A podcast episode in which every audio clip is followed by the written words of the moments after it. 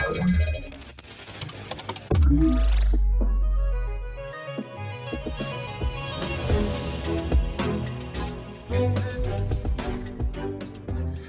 Dzień dobry, witam Was bardzo serdecznie w podcaście Cyber Cyber Raport. To 336 odcinek naszego podcastu. No a dziś Cyber Cyber Raport trochę nietypowy, ponieważ jestem sam, nie ma ani Kamila, ani Piotrka. No więc dziś może trochę nietypowo, bo opowiem Wam e, bardziej publicystycznie. Nie skupimy się tylko i wyłącznie na większości materiałach dotyczących jakichś luk podatności czy konkretnych ataków a troszkę więcej publicystyki zahaczymy dziś o takie tematy jak Badanie firmy Forrester ujawnia, że firmy nie są wystarczająco przygotowane do zarządzania ryzykiem korporacyjnym. Podam Wam pięć powodów, dla których powinniśmy dbać o niezarządzane w naszej organizacji aktywa teleinformatyczne. Powiem parę słów na temat zhakowania rosyjskiej telewizji, jak również kampanii SMS, która podszywa się pod polską policję. No i ostatnia taka informacja, może nie najnowsza stricte, ale ostatnio teraz właśnie opisana. Dostajesz awizo zawierające kod, kod QR prowadzący do prawdziwej strony, a nie, to właśnie strona fałszywa i ciekawy przykład phishingu z Francji. To są właśnie informacje, które przygotowałem dla Was. Mam nadzieję, że jakoś ze mną przetrwacie ten moment, a bez moich kolegów, którzy do tej pory prowadzili podcasty, przy mikrofonie Cyprian Gutkowski, a my zaczynamy Cyber Cyber Raport Fundacji Bezpieczna Cyberprzestrzeń. Jak wspominałem na samym początku, badanie firmy Forrester. E, badanie zostało przeprowadzone przez firmę Forrester Consulting w celu oceny stanu zarządzania ryzykiem korporacyjnym w średnich i dużych przedsiębiorstwach w różnych branżach w Ameryce Północnej, Europie, jak i regionach Pacyfiku, czyli cały ten obszar Australii. E, badanie podkreśla wyraźną i pilną potrzebę alertów o zagrożeniach zarówno tych fizycznych, jak i pochodzących z z obszaru cyber w czasie rzeczywistym, co więcej one muszą być, więc tutaj wpisujemy się w pewną tak jakby mm, potrzebę również rynku regulacyjnego, który mówi, że teraz takie feedy będą nam niezwykle potrzebne i taka analiza ryzyka w postaci dynamicznej analizy ryzyka będzie musiała być wykonywana. Kto słucha naszych poprzednich podcastów, ten wie o czym mówię. No ale cóż, co tam się okazało w tym badaniu? Otóż firma Forrester stwierdziła, że organizacje napotykają bardzo istotne istotne bariery i to głównie te zarówno organizacyjne, strategiczne, ale też technologiczne, które mają służyć do wdrożenia skutecznej strategii takiego liczenia e, ryzyka i szacowania ryzyka. Badanie wykazało, że prawie 70% respondentów stwierdziło, że w ich organizacjach był co najmniej dwa, były co najmniej dwa oddzielne od siebie krytyczne jakieś zdarzenia związane z bezpieczeństwem i z ryzykiem. E, ponad 40% doświadczyło przynajmniej trzech takich ataków, a prawie 20 20% doświadczyło sześciu lub więcej incydentów, więc widzimy tak naprawdę, jak spora jest to liczba e, tak naprawdę, jak przeczytamy w raporcie, to jaka jest główna teza? Teraz bardziej niż kiedykolwiek kluczowe znaczenie dla firm ma posiadanie systemu do wykrywania i zarządzania głównymi zdarzeniami związanymi z ryzykiem fizycznym i cybernetycznym.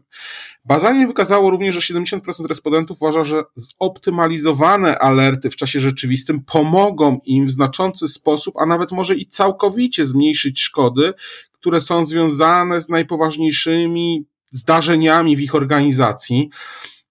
W tej chwili 56% respondentów wskazało, że obecnie nie dysponuje rozwiązaniami do ostrzegania w czasie rzeczywistym, nie monitorują swoich systemów, nie wiedzą jak to robić, y, ale planuje je wdrożyć lub rozszerzyć.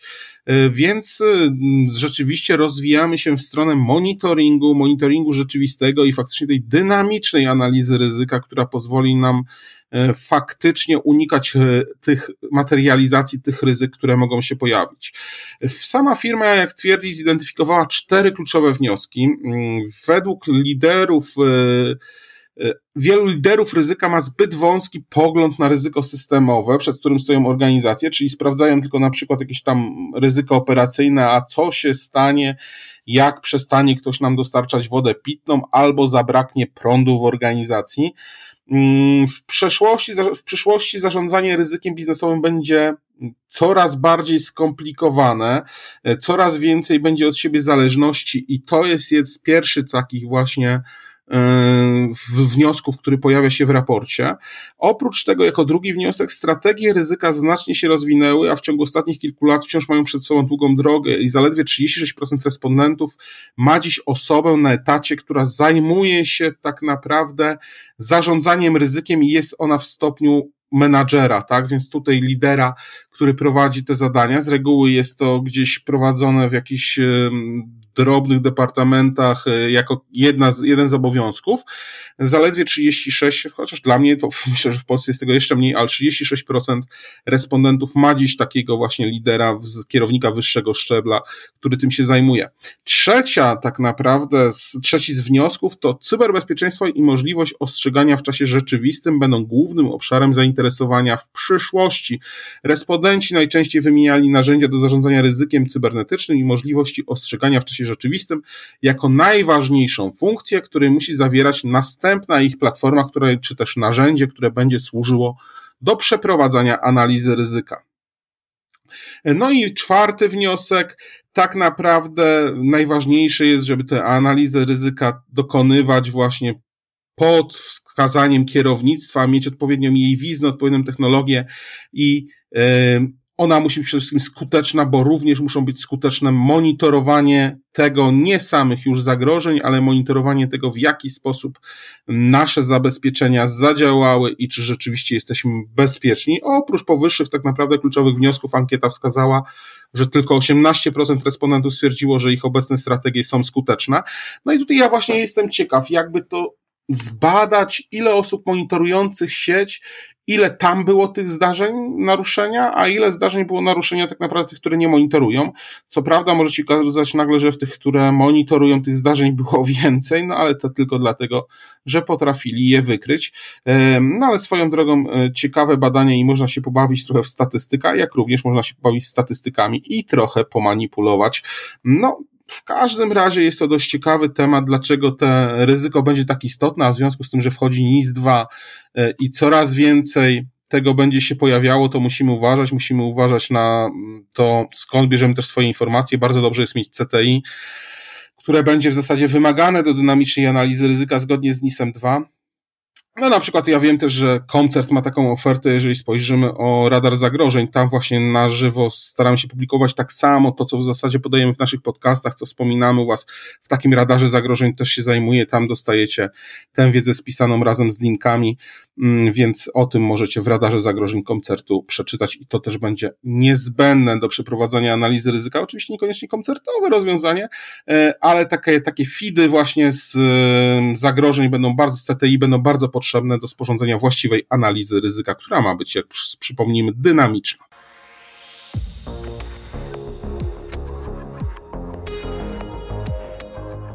Partnerem strategicznym podcastu CyberCyber jest Koncert SA, lider na polskim rynku cyberbezpieczeństwa. Sprawdź nas na www.koncert.pl. Wreszcie informacja, która mówi o tym, dlaczego powinniśmy dbać o niezarządzane aktywa w organizacji, które gdzieś tam są podłączone, wszyscy o nich zapomnieli. Jest podanych pięć powodów.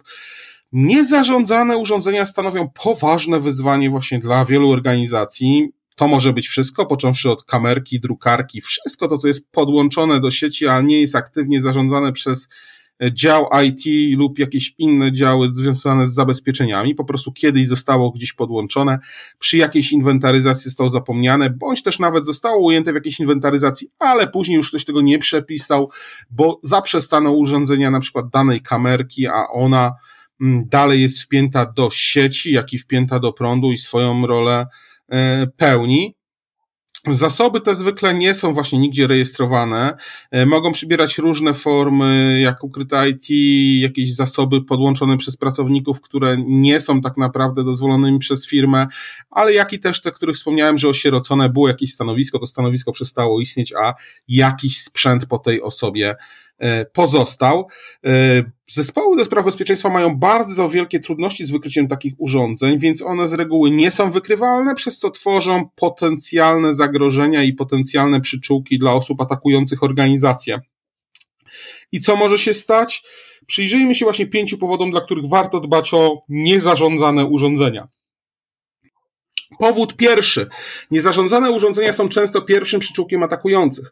Atakujący często skanują sieć i szukają elementów, które odstają od e, innych. Są to z reguły jakieś maszyny właśnie z niższym poziomem poprawek, e, ze starszymi wersjami oprogramowania, bo nikt ich nie aktualizował. Może są to jakieś nietypowe usługi, które działają na portach. Y, to wszystko znajdujemy właśnie w, poprzez możliwość skanowania naszej sieci. Jeżeli coś takiego zostaje znalezione, no to bardzo często okazuje się świetnym punktem y, do ataku i zrobieniem przyczółka, bo są dużo łatwiejsze do wykorzystania. Tak? Rzadziej też mają kontrolę bezpieczeństwa, przestępcy często z tego zdają sprawę, mm, no i w związku z tym mogą wykorzystać tę naszą słabość y, i E, przypuścić atak na naszą organizację. Kolejny z punktów, powód drugi to niezarządzane urządzenia utrudniają badanie incydentów. Analitycy w SOC muszą szybko i wydajnie pracować tak naprawdę z alertami. Zdarza się tak, że mm, zauważają jakiś e, adres IP. Był taki przypadek, o którym jest mowa tutaj w całym artykule, do którego link oczywiście Wam podrzucamy, że analityk otrzymał ostrzeżenie, że wewnętrzny adres IP komunikuje się ze znanym złym adresem IP, e, w szczególności z jakimś serwerem e, Command and Control. E, jednak SIEM nie miał żadnego zapisu tego adresu IP w sieci, że jest on tak jakby siecią, siecią wewnętrzną organizacji więc nie zareagował w właściwy sposób, bo podobnie było też z konsolami wykrywania czy reagowania na punkty końcowe EDR. Co było w efekcie? W efekcie okazało się, że takie urządzenie było właśnie kamerką, która została naruszona właśnie przez złośliwe oprogramowanie, bo korzystała z domyślnych e, ustawień uwierzytelniających. Dzięki inwentaryzacji zasobów, tak naprawdę, która śledzi urządzenia internetu rzeczy, analityk szybko rozwiązałby ten incydent, ale czegoś takiego nie miano. Nie było to w żaden sposób zinwentaryzowane, e, przez co sam incydent w ogóle był możliwy do przeprowadzenia, a reakcja na niego była dużo późniejsza niż mogłaby być w rzeczywistości. Powód trzeci są przypadkowe mosty sieciowe, które omijają jakieś zapory firewall. Na przykład linia produkcyjna została wyłączona z powodu oprogramowania ransomware i dochodzenie wykazało, że y, urządzenie jedno z nierejestrowanych właśnie w sieci, które było sierocone, y, przeszło z sieci IT do sieci OT, umożliwiając aktualizację, umożliwiając, dzięki temu, że ominęło zaporę firewall, która tak naprawdę miała zapewnić segmentację sieci. Zespół do spraw bezpieczeństwa nie miał glądu w mostki sieciowe niezarządzanych urządzeń, dlatego problem nie został zidentyfikowany z wyprzedzeniem. Y, powód czwarty, fałszywe urządzenia komplikują zarządzanie kontrolami bezpieczeństwa. Właściwe zarządzanie właśnie wymaga, żeby każde jakieś urządzenie, każda grupa urządzeń miała swoją właściwą kontrolkę bezpieczeństwa. Nie można też określić luk swoich słabych podatności w sytuacji, jeżeli nie znamy wszystkich urządzeń w sieci. Tak, jeżeli mamy jakieś sterowniki, o których nic nie wiemy, no to bardzo nam przykro, ale nie jesteśmy w stanie e, tego zrobić, e, żeby w sposób skuteczny właśnie e, je monitorować. Stąd nie można nadać na nie właściwych zasad bezpieczeństwa i przez to są one niebezpieczne. Powód piąty, urządzenia wycofane z eksploatacji są potencjalnie podatne na ataki. Oczywiście bardzo często, jeżeli mam jakieś stare urządzenie działające na starych systemach, no to okazuje się, że ono nie jest w żaden sposób aktualizowane, nikt nie koduje tam, nie dokonuje tam żadnych aktualizacji, przez co E, dużo prościej jest je złamać, wykorzystując właśnie podatności, które, które posiada dane urządzenie, czy też dany system, na którym ono e, pracuje. Dość ciekawe informacje z tego raportu, także zachęcam Was do przejrzenia mm, i polecam Wam bardzo serdecznie. Teraz krótkie informacje, ale jakże też ciekawe, zhakowano rosyjską telewizję. Rosyjska telewizja została zhakowana i nadano w niej informacje o krajowym alarmie nuklearnym, nakazując Rosjanom ucieczkę e, do schronów. Zdało się to zarówno w telewizji, jak i w internecie na terenie Jekaterynburga, Moskwy, w obwodzie Swierdłowskim. Pojawiły się komunikaty, które brzmiały: Ważna wiadomość, nastąpiło uderzenie, pilnie uciekajcie do schronu, zablokujcie drzwi i weźcie tabletki chroniące przed napromieniowaniem, użyjcie masek gazowych wszelkiego rodzaju, a w razie ich braku wykorzystajcie bawełniane nakrycie na twarz. Jeśli poczujecie się gorzej, poszukajcie najbliższego punktu medycznego. Um, bardzo ciekawa informacja. Myślę, że jakbyśmy taką zobaczyli w telewizji, byśmy byli no, niezadowoleni. Pokazuje to coraz więcej słabości też w systemach rosyjskich, że gdzieś ktoś cały czas e, ich nęka. Być może trochę już brak pieniędzy. No w każdym razie ja z całego serca kibicując e, Ukrainie, ale ogólnie myślę, że wolnemu światu w tym momencie e, bardzo mocno mm, cieszę się, że zdarzają się takie rzeczy, bo pokazuje to rosyjskie słabości. Sam Kreml przyznał się do tego, że zostały zhakowane kanały komunikacji, E, z również źródło anonimowych, kolektywu anonimowych powiedziało, że e, dopuściło się tego ataku, więc to taka krótka ciekawostka. Wreszcie też e, informacja od nas z Polski, kampania SMS podszywająca się pod policję. Cyberprzestępcy po raz kolejny podszywają się właśnie w Polsce pod policję, tym razem osoby dostają na swój telefon komórkowy SMS-a z informacją, e, jakoby miały zapłacić mandat karny. Oczywiście SMS zawiera link, który odsyła do niebezpiecznej strony, a jej już zadaniem jest klasyczne uzyskanie od nas e, naszych kredek czy kredensiali do logowania do bankowości elektronicznej. Przypominamy, że należy takie sytuacje zgłaszać do CERT Polska, nawet jeżeli nie daliśmy się nabrać, a i gdzieś tam puściliśmy to bokiem, no to być może czasem warto o tym poinformować CERT Polska, bo może mamy do czynienia z jakimś innym ciekawym atakiem i warto e, to zbadać przez specjalistów. E, kolejna kwestia. Dostajesz awizo zawierające kod QR prowadzący do fałszywej strony. Jeden z francuskich specjalistów e, opisał na LinkedInie post na temat metody phishingowej, która polega na podszywaniu się pod pocztę we Francji. Dostajemy dokument awizo, w Polsce wszyscy dostajemy ciągle awiza, więc to nie powinno nikogo dziwić, że we Francji też są awiza. E, tylko, że we Francji te awiza polegają na tym, że na nich znajduje się kod QR, który po kliknięciu teoretycznie powinien przekazywać do, przekierowywać do strony poczty, a w tym wypadku też przekierowywał do strony, tylko że do strony złośliwej, na której użytkownik powinien podać dane karty bankowej w celu zapłacenia za ponowne doręczenie, ponieważ niby raz E, nie było cię przy doręczeniu, to za drugie takie doręczenie musisz zapłacić i do tego namawiał ten ta strona internetowa z, i poprzez kod QR można było dostać. Co ciekawe, awizo było dokładnie takie jak klasyczna awiza poczty francuskiej, z wyjątkiem tylko tego kodu e, QR. Ten temat tak naprawdę jest już dość znany, bo faktycznie pierwszy raz wystąpił on w pod koniec sierpnia, 28 sierpnia zeszłego roku. I tam y, na badaniach, właśnie podczas badań stwierdzono, że rzeczywiście strona, było wysłanie do strony ze złośliwym oprogramowaniem. Te złośliwe, ta strona już w chwili obecnej e, nie działa.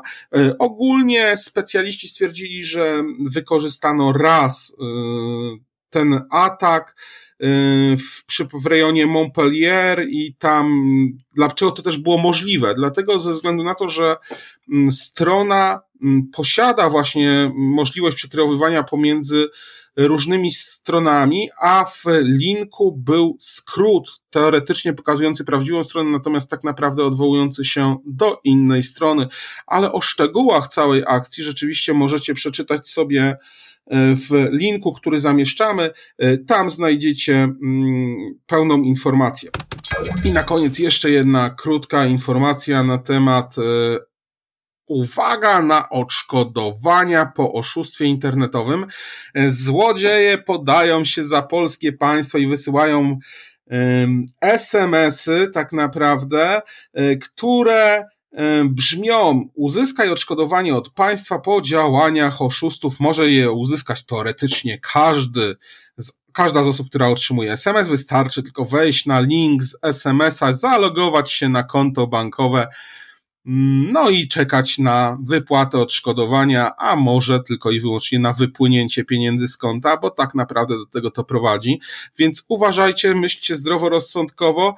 Mm, to jest y, trudna sprawa, bo osób może się nabrać wiele, przecież wszyscy jesteśmy w jakimś tam, w jakiejś tam mierze y, chytrzy y, i chcemy uzyskać pieniądze, skoro nam się należą. Państwo nam daje, rzeczywiście to przekierowanie jest na stronę udząco przypominającą strony rządowe, natomiast w efekcie jak najbardziej powoduje tylko i wyłącznie to, że nasze pieniądze mm, zostaną y, skradzione. Tutaj mamy, że należy podać e, swój bank, właśnie należy podać swoje dane i nazwisko panieńskie matki. Mm, w kolejnych oczywiście krokach e, są wykorzystywane tylko i wyłącznie po to, żeby nas okraść i kto wie, czy nie zostaną wykorzystane również e, później. No dobrze, na dziś to wszystko. Ja Wam bardzo serdecznie mm, dziękuję. E, nie było dziś ani Kamila, ani Piotrka, mm, ale na pewno do nas powrócą. Ja też w jakimś podcaście na pewno, czy to z Kamilem, czy z Piotrkiem, jeszcze się nagram. Przepraszam też pewnie za jakość dźwięku, bo e, nagrywam nie w studio naszym, a klasycznie, zdalnie z domu. Praca hybrydowa ma to do siebie, że czasem, czasem trzeba nagrać, a stwierdziłem, że sam już spróbuję nagrać to, to z domu, także jeżeli rzeczywiście jakość jest o wiele gorsza, e, no to muszę coś zrobić w swoim domu i wbudować studio. Dobrze, dziękuję Wam bardzo. Przy mikrofonie był Cyprian Gutkowski, a był to odcinek Cyber, Cyber Raport. E, bardzo serdecznie Wam dziękuję. Do usłyszenia, pozdrawiam i cześć.